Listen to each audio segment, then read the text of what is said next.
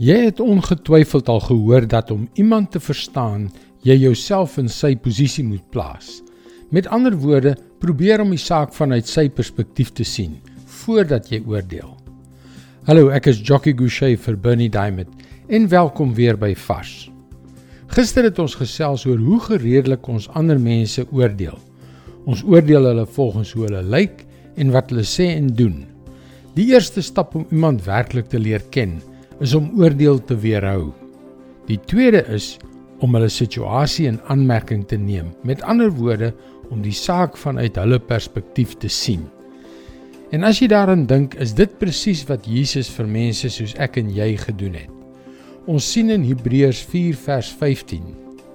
Die hoëpriester wat ons het, is nie een wat geen medelee met ons swakhede kan hê nie.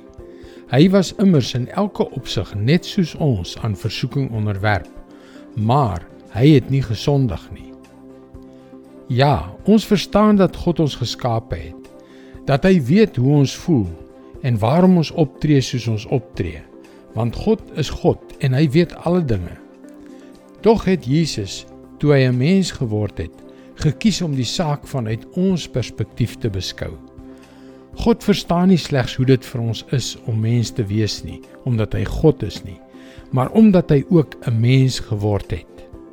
Ons verstaan nie alle dinge soos hy nie, maar ons kan kies om dinge vanuit die ander persoon se perspektief te sien, om hulle versoekings te verstaan, om begrip te probeer hê vir die omstandighede waardeur hulle gaan. En watter doel dien dit?